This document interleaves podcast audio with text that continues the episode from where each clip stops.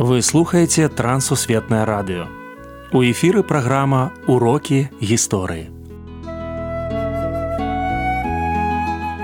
Запрашаем у падарожжа падзей, асоб і фактаў. Вучыцеся разам з намі.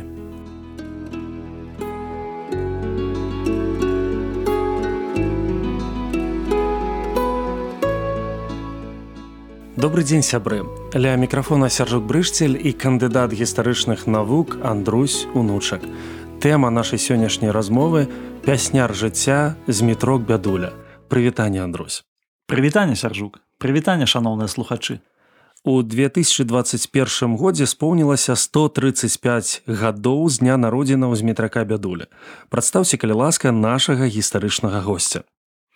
З метрок бядуля гэта пісьменнік, гэта чалавек які заклаў асновы беларускай літаратуры класічнай беларускай літаратуры гэта наша невец гэта чалавек які пісаў дзіцячыя творы дарослыя творы.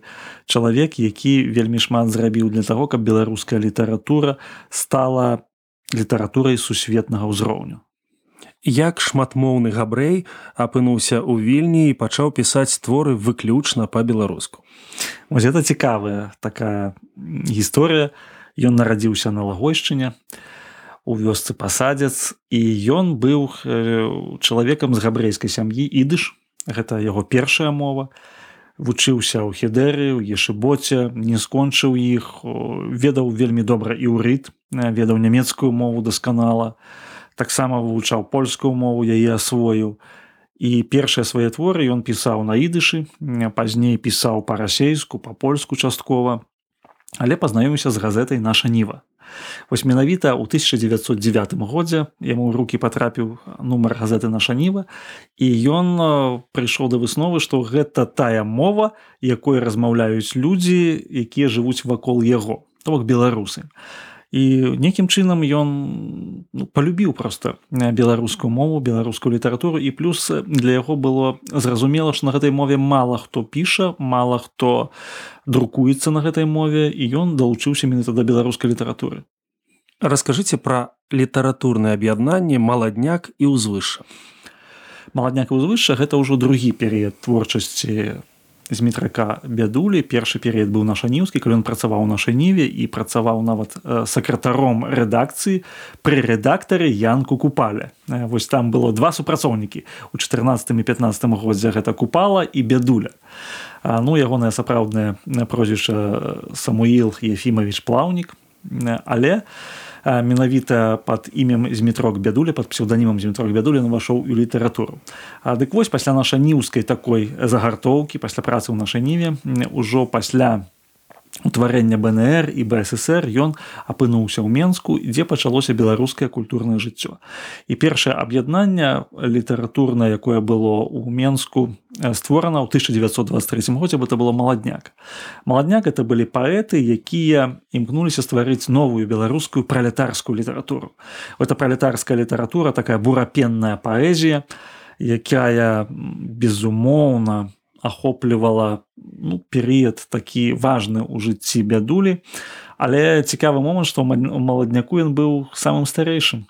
Самы старэйшы з маладняка і у 1926 годзе ён вырашае што ўсё ж ягоны стыль ягоная прыхільнасць усё ж на баку класічнай літаратуры. І не толькі пралетарскай. І таму вось шэсць такіх пісьменнікаў паэтаў у тым ліку вось кузьма чорны а янка купала яны вырашаюць стварыць узвышша застацца вернымі класічнай традыцыі. І гэта класічная традыцыя якая працягвалася ад нашаніўцаства яно прыйшло і ва ўзвышша. Вось такім чынам ён апынуўся і там і там.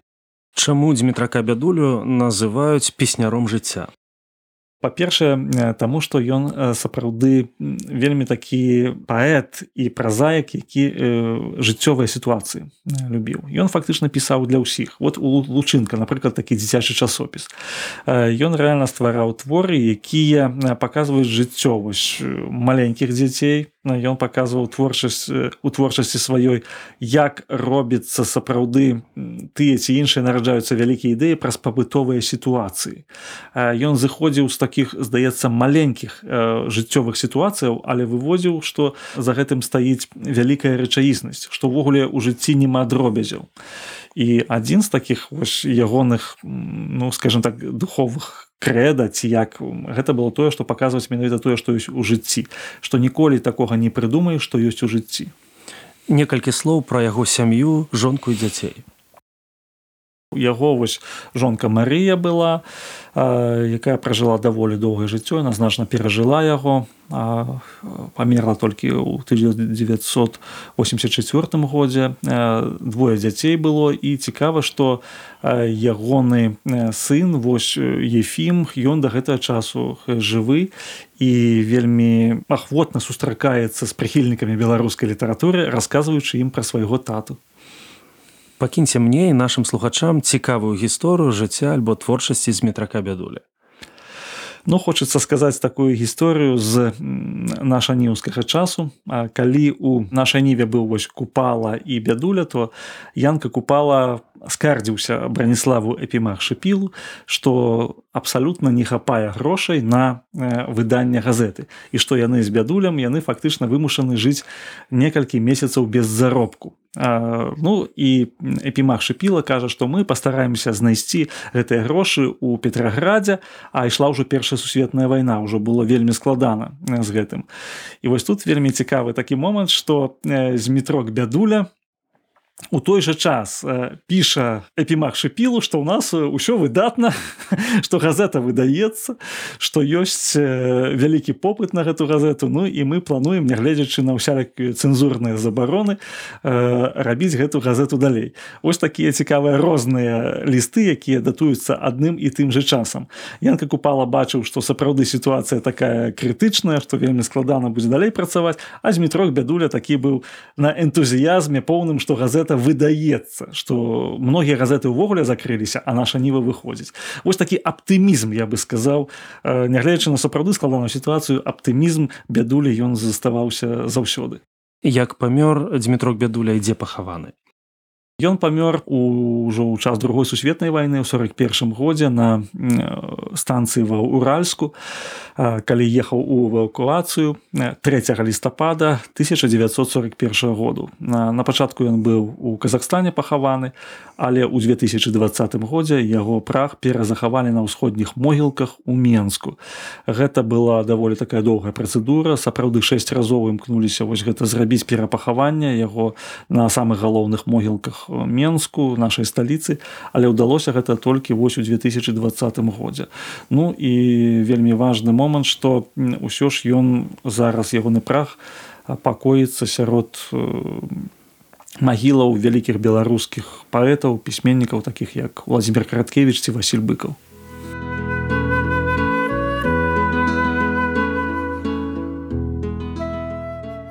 Бядуля з дзяцінства цягнуўся да ведаў Калі пачаў працаваць хатнім настаўнікам, ён пешу пераадольваў 25 кіламетраў да мясцовай бібліятэкі. Валодаў васьмю мовамі. Даследчыкі называюць яго паліглотам. За свае 55 гадоў надрукаваў шмат твораў для дарослых і дзяцей. І кожны радок яго працы упэўнівае: самае лепшае тое, што ёсць у нашым жыцці нам таксама ёсць што прапанаваць навакольнаму свету. А таму давайте прыслухаемся да парады песняра жыцця. Будь сам сабой беларус.